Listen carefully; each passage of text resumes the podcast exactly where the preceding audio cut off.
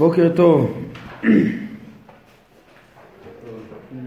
אנחנו במורה הנבוכים חלק א', התחלנו כבר פרק ל"ב, ראינו את הפסקה הראשונה, הגענו לפסקה 2. כן, בעצם מה שלמדנו, פרק הקודם הקדמה, כן, פרק ל"א הוא הקדמה לפרק שלנו, למדנו על הגבול של אה, השכל האנושי, וכן, חלק מסיבות המחלוקות בדברים זה, זה בגלל שהם עוסקים בדברים שהם מעבר לגבול השכל, או שאין הכנה מתאימה מבחינת מידות, מבחינת יכולות שכליות, אבל יש גבול. ובפרק שלנו אומר הרמב"ם לא רק שיש גבול, אלא צריך לדעת, אחרי העובדה הזאת שיש גבול, אה, שהשכל יישאר בתחומו ולא ינסה אה, להבין מה שלא בכוחו כי אומר הרמב"ם אז זה ממש יכול גם לקלקל את השכל. הוא הביא לנו משל בפסקה הראשונה מכוח הראייה. הרמב"ם אומר שהכוח השכלי הוא כמו הכוחות הגופניים. כן כמובן זה הרמב"ם מסייג את זה בפרקים אחרים שזה דווקא היכולת ההשכלה שהיא קשורה לגוף, אבל לא עצם השכל בפועל, יש אה, הקניין, השכל הנקנה, שהוא אה, בפועל אז הוא כבר אה, דבר נצחי ושונה ולא תלוי בגוף, שייך למושג של הישארות הנפש וזה עניין אחר, אבל הוא מדבר פה על, על, על תהליך ההשכלה שהוא בדומה לחושים, אדם, כן, אז, אז המשל מהראייה היה שברור לאדם שיש לו גבול כמה הוא יכול לראות, ואם הוא יתאמץ לראות מה שלא בכוח הראייה שלו, מעבר ליכולת, אז לא רק שאת אותו דבר הוא לא יצליח לראות, אלא גם מה שקודם הוא ראה ברור, פתאום יראה לו מטושטש וזה יקלקל את כוח ראייתו, וכל הראייה תיפגע אם לא, אם לא ישתמשו בה כראוי. אומר המון פסקה 2, בדומה לכך יקרה לך בהשגות השכליות דהיינו שאם תעצור אצל הספק מה שאי אפשר להוכיח בשכל ולא תוליך את עצמך שולל, שולל אה, להאמין שיש הוכחה לגבי מה שלא הוכח. כן? יש בשכל אנשים עוברים את התחום של, של מה שאפשר לברר ולהוכיח ומתחילים לחשוב סברות גם במה שאין יכולת לשכל להוכיח וחושבים שזה מוכח. כן, אז אם אדם לא יעשה את זה ולא תיחפז ולא תידחף אה, ו- ו- ותפסוק לשלול את כל מה שלא הוכחה אה, סתירתו. זאת אומרת יש כאלה שנחפזים להגיד טוב אה, הדבר הזה לא יכול להיות, זה נראה סותר אז זה, אז זה לא קיים, נראה בלתי אפשרי אבל לא הוכח באמת הסתירה, באמת הדברים יכולים ללכת ביחד, זה הנושאים הכי יסודיים אה, בדעת השם הם כאלה שקשורים, אנחנו דיברנו על זה שזה קשור לסתירה השביעית, שאלת הידיעה והבחירה.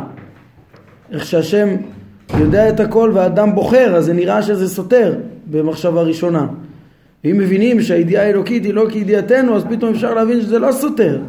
או חופשיות הרצון של הקדוש ברוך הוא, זה נראה שזה סותר את העיקרון שהוא לא משתנה, אם תגיד שהוא עושה כל מה שרוצה בעת שהוא רוצה, זה סותר את זה שהוא לא השתנה. וזה תחילת המחשבה. והרמב"ם לפעמים מדבר בבחינה הזאת שהשם אה, יש לו רצון קדום כיוון שיש, שזה נכון הבחינה הזאת שהוא לא משתנה ולפעמים מדבר בבחינה שכמובן שהוא לא כפוי לשום תוכנית מקורית והוא יכול, עושה מה שהוא רוצה בעת שהוא רוצה והשתדל שלא ישימו לב לסתירה בין הדברים כן? כי האמת היא שאין סתירה, מי שיעמיק, אבל אם, אם הוא יתאר את הדברים בצורה כזאת שישים, ש, שישימו לב הקוראים שיש סתירה, אז הם, הרבה מהם לא ידעו לפתור את הבעיה. כן? הרמב"ם אומר צריך לא להיחפז לומר שדבר הוא, יש בו סתירה והוא לא נכון, בלי שמעמיקים עד הסוף. זו נקודה שהוא יחזור עליה גם בהמשך הפרק, אתם תראו. אה, אה, כי היא משמעותית, היא, היא קשורה כמו שאני אומר ל, ליסודות הכי עמוקים ש, של ה, ש, שהרמב"ם מעלים אותם בסוג הסתירה השביעית אה, שראינו בהקדמה. כן, אז, אז אה, בעצם יש פה הדרכות הרמב"ם אומר, אחרי שמבינים שיש גבול לשכל אז צריך איפה שיש ספק לדעת לעצור מבחינה שכלית, כן? ולא להוליך את עצמנו שולל לחשוב על דבר שאינו מוכח כאילו מוכח ולא להיחפז ולהגיד שדבר הוא סותר כשלא הוכחה סתירתו ולא תשאף להשיג את מה שאינך יכול להשיג אם תלך בכזאת זהירות אז תשיג את השלמות האנושית ותהיה בדרגת רבי עקיבא עליו השלום שנכנס בשלום ויצא בשלום בעיונו בדברים המטאפיזיים האלה. כן זה מה שאמרו חכמים במשל ארבעה נכנסו לפרדס הרמב"ם בהלכות יסודי התורה אה, מביא את המשל הזה של ארבעה שנכנסו לפרדס, אה, הנה מביאים את זה פה בפירוש, אה, שאחד הציץ ומת, זה בן עזאי, בן זומא הציץ ונפגע, אלישע בן אבויה אחר הוא הציץ וקיצץ מנטיות ורבי עקיבא הוא נכנס בשלום ויצא בשלום. אומר הרמב"ם מה גורם להיכנס בשלום ולצאת בשלום? אם אדם לומד בזהירות, יש לו את היכולות, יש לו את, את כל ההכנות שנלמד בפרקים הקרובים, והוא יודע, כן, שלב אחרי שלב הוא מברר, הוא יודע מה הוא יודע ויודע מה הוא לא יודע, ולא קופץ לערבב את הדברים, כן, אפשר להביא אולי משל פשוט. אה, מהמתמטיקה, שהרבה פעמים יש אה, תרגילים אה, מורכבים, שאם מפרקים אותם שלב אחרי שלב בצורה מסודרת, אז לא אמורים לטעות, אין שום סיבה לטעות. מהמשוואה הכי אה, מסובכת, מפשטים אותה שלב אחרי שלב ואתה מגיע לתוצאה ו, ויודע מהם המשתנים, ה-X וה-Y וכדומה, פותר כל תרגיל ככה, אם זה שלב אחרי שלב. אדם הולך בזהירות, לפי השלבים, לפי הסדר, לפי הכללים ולא לא טועה. אבל אם הוא יקפוץ וינסה לפתור את התרגיל בלי, בלי שלבים, לא לפי הסדר, כן? בבת אחת לנסות ל- ל- ל- להציב את, ה- את המשתנה ולפתור את כל המשוואה. אז פה אם מדלגים שלבים ולא עובדים בצורה מסודרת, לא, לא עובדים לפי הכללים של ההיגיון, אז uh, יכולות להיות הטעויות, בסוף תהיה מסקנה שגויה בלי לשים לב, uh, כן, בגלל הקושי לחשב את כל, ה, את כל הנתונים בבת אחת. אז uh, כן, אז ככה גם ב, ב, בשכל ובתחומים העמוקים צריך לראות מה השכל יכול להבין, מה הוא לא יכול להבין ולעבוד בצורה מסודרת. כן, אומר אה, הרמב"ם, זה אם תנהג כמו שצריך, תהיה כמו רבי עקיבא ש, שנכנס בשלום לפרדס אה, ויצא בשלום והשיג כן, לעומת האחרים, הרמב"ם אומר, אף על פי שגדולי ישראל היו וחכמים גדולים היו, לא, לא כולם היה בהם כוח לידע ולהשיג כל הדברים על בוריין. כן, ו, וכנראה שגם לא כולם אה, נהגו באותה זהירות, כי כמו שמשמע מלשון הציץ, כן, הרב הנזיר תמיד היה מדייק ככה, אומר, מי שמציץ נפגע, אבל מי שנכנס, נכנס בצורה מסודרת, דבר אחרי דבר, אז אה, נכנס בשלום וגם יכול לצאת בשלום. אך אם תשאף להשיג למעלה מהשגתך או תחפז להחליט על שקריות, שקריותם של היגדים שלא הוכחה אה, סתירתם. עוד פעם, זו אותו נקודה שהוא אמר קודם, לבוא ולמהר ו... אה, למהר להסיק שדבר אינו קיים בגלל כאילו דברים סותרים או אפילו שלא הוכח שזה סותר כן או שהם אפשריים אה, ולו בסבירות נמוכה ביותר הוא כבר מוכיח, הוא כבר טוען שזה מוכח שזה סותר. לא, זה אפשרי בסבירות נמוכה, צריך לזהות את זה.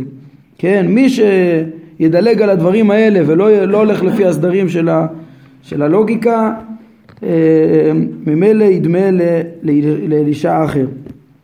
עכשיו מדגיש הרמב"ם, לא זו בלבד שלא תהיה שלם, כן, שלא תשיג את מה שרצית לחפוץ מעבר לשלמות האנושית, כמו במשל של חוש הראייה, אלא גם תעשה חסר מכל חסר, ויראו לך אז השתלטות הדמיונות והנטייה לעבר החסרונות והתועבות והרעות בשל התערדותו של השכל וכיבוי אורו.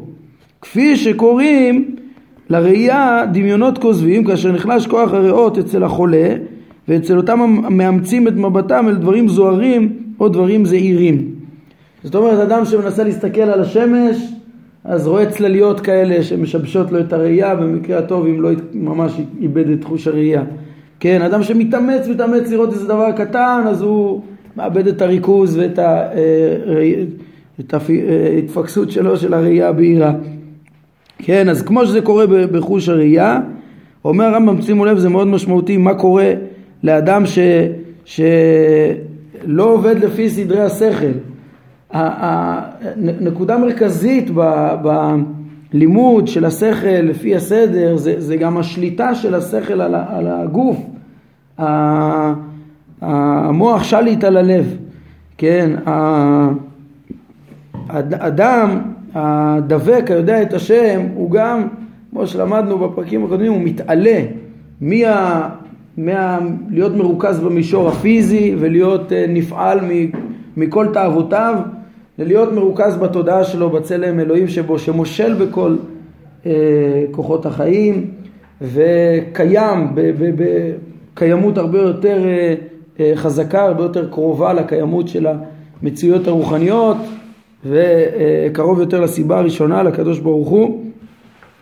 זה מציאות של שליטה, זה מציאות של, של קיימות יותר גדולה וצריך להיות אבל כדי להיות עם השכל צריך להיות אה, לעבוד עם, אה, לדעת את האמיתות, לעבוד עם, עם, עם, עם הכללים, עם ההיגיון.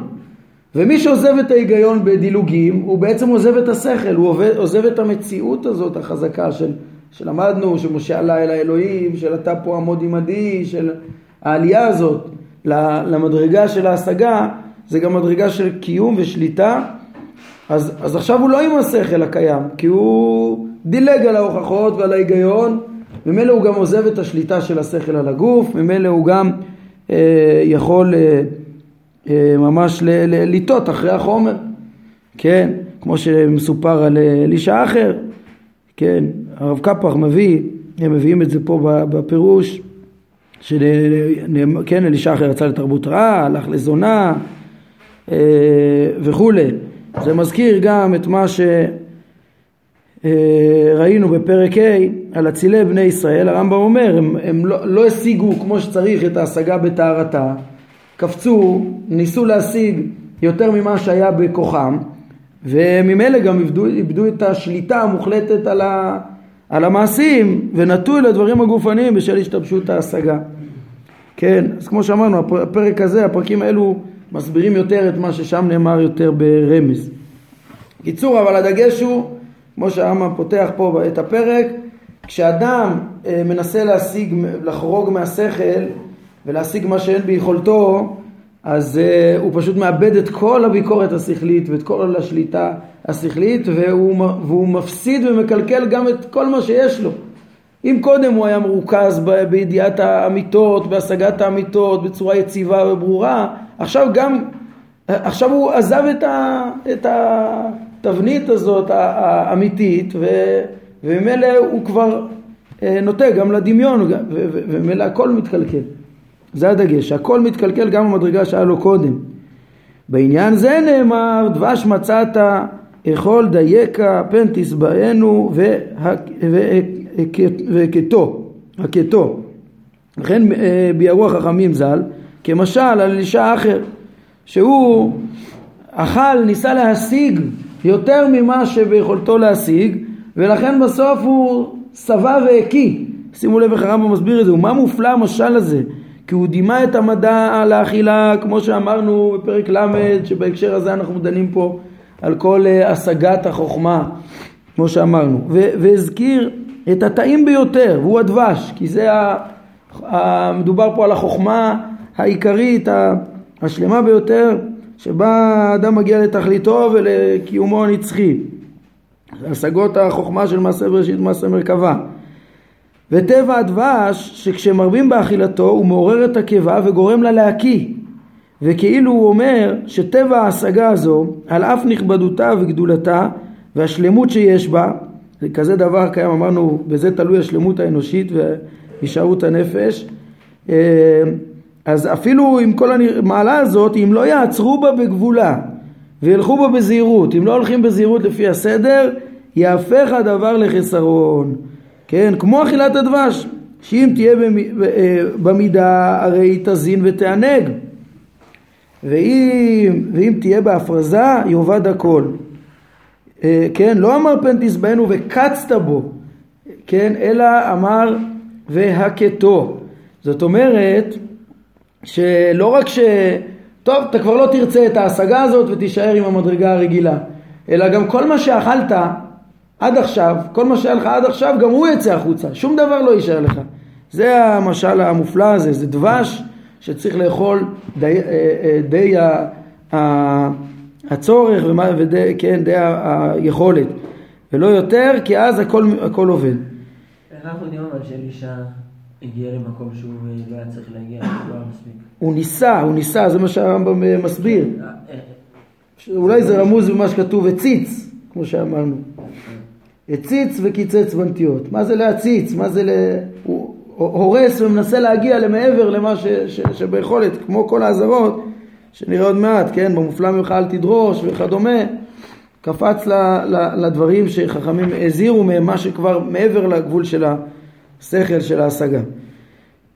לעניין זה, כן, זה בהחלט זה גם אה, סכנה ממשית שהרמב"ם מזהיר בכל מי שנכנס.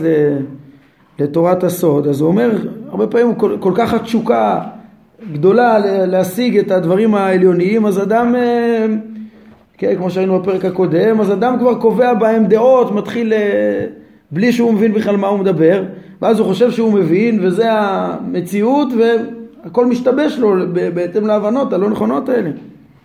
זה מה שהרמב"ם אומר, צריך עקב בצד אגודל, ללמוד את הדברים האלה מה שאדם מבין מבין, מה שלא לא, שיהיה הכל ברור ושלא יאבד את מה שהיה לו עד כאן. כן, זה תמיד אה, בית מדרשנו, ההדרכות של הרב ושל אה, רבותינו, גם בכל התחום של הסוד, קודם כל צריך ללמוד ראשונים, קודם כל צריך ללמוד מהר"ל, קודם כל צריך ללמוד דבר, כאלה שמגדירים אה, את כל יסודות האמונה בצורה מאוד מאוד ברורה, שכלית, לפני שהם מתעסקים עם מונחים לא מובנים וכדומה. שאחרי שאדם יהיה לו בסיס של האמונה, אחרי מורה נבוכים, אחרי זה, אז הוא יוכל גם כן ל, ל, להבין את הדברים ולא לשבש את הדעת לחלוטין מכל מיני מונחים שהוא לא מבין מה הם, רק אומר אותם, מתרגש מהם ובסוף משבש את הכל.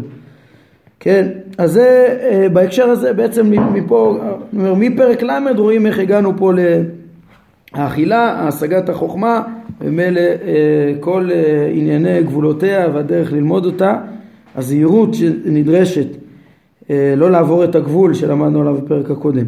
אומר הרמב"ם לעניין זה רמז גם בדבריו אכול דבש הרבות לא טוב וחקר כבודם כבוד. כן, עוד פעם זה הפסוק שהוא הביא שם בפרק ל' להרבות יותר מן המידה לא טוב. להשיג את ה...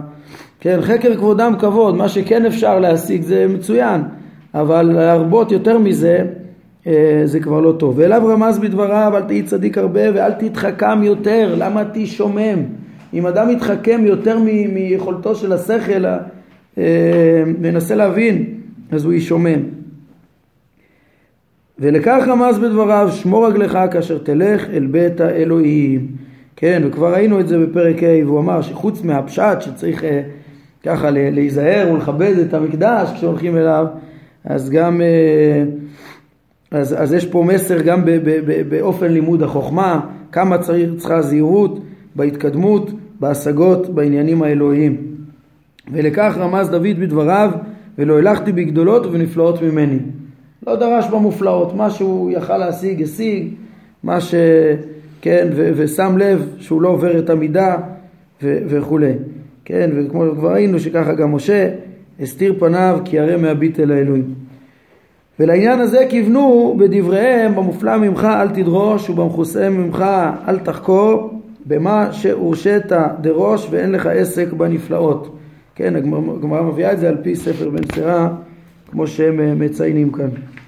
דהיינו שלא תשלח את שכלך אלא במה שיכול האדם להשיגו ואילו הדבר שאין בטבע האדם להשיגו, הרי ההתעסקות בו מזיקה מאוד, כפי שביארנו, היא מקלקלת את כל ההשגה גם כן שלפני כן.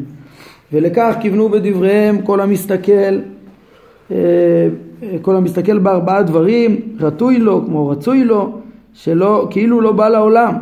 הוא פשוט אה, מבטל את כל שלמותו האנושית, גם כל מה שהיה לו.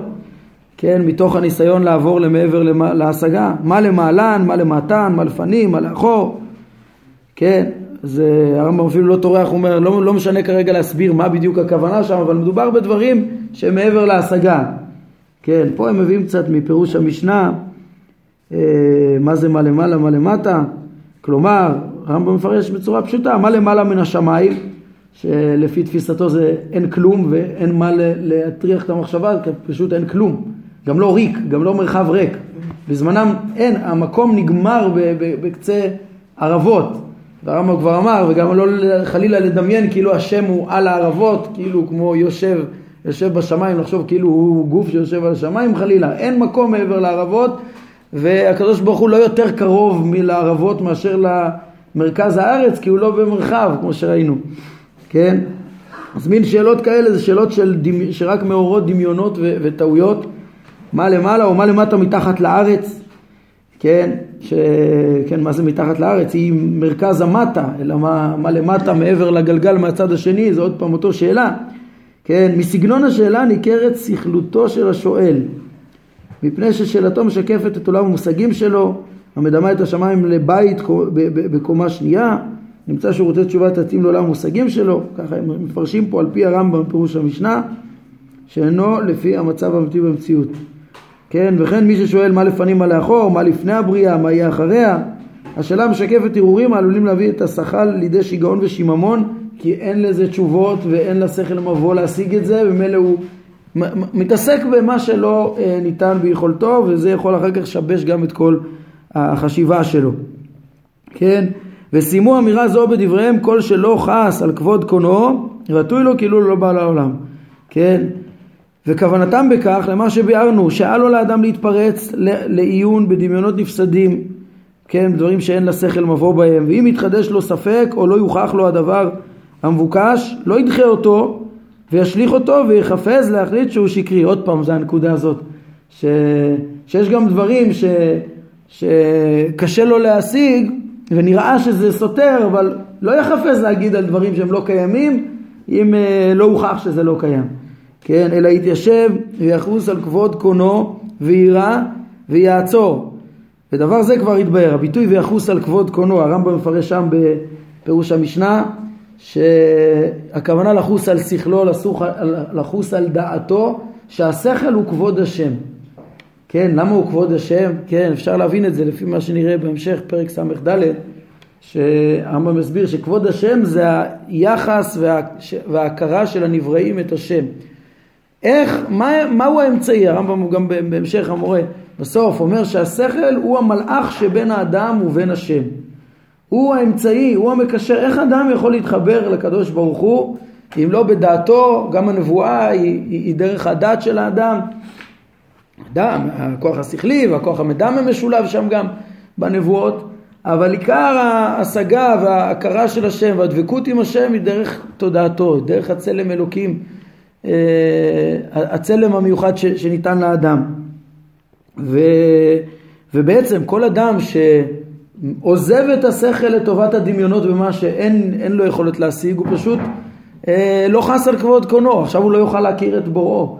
הוא לא חס על, על, על, על השכל שבאמצעותו הוא, הוא מכיר את, את קונו, באמצעותו הוא מכבד את קונו, זה כבוד, כבוד קונו תלוי בהשגה שלו, תלוי בשכל שלו אה, שישיג את השם.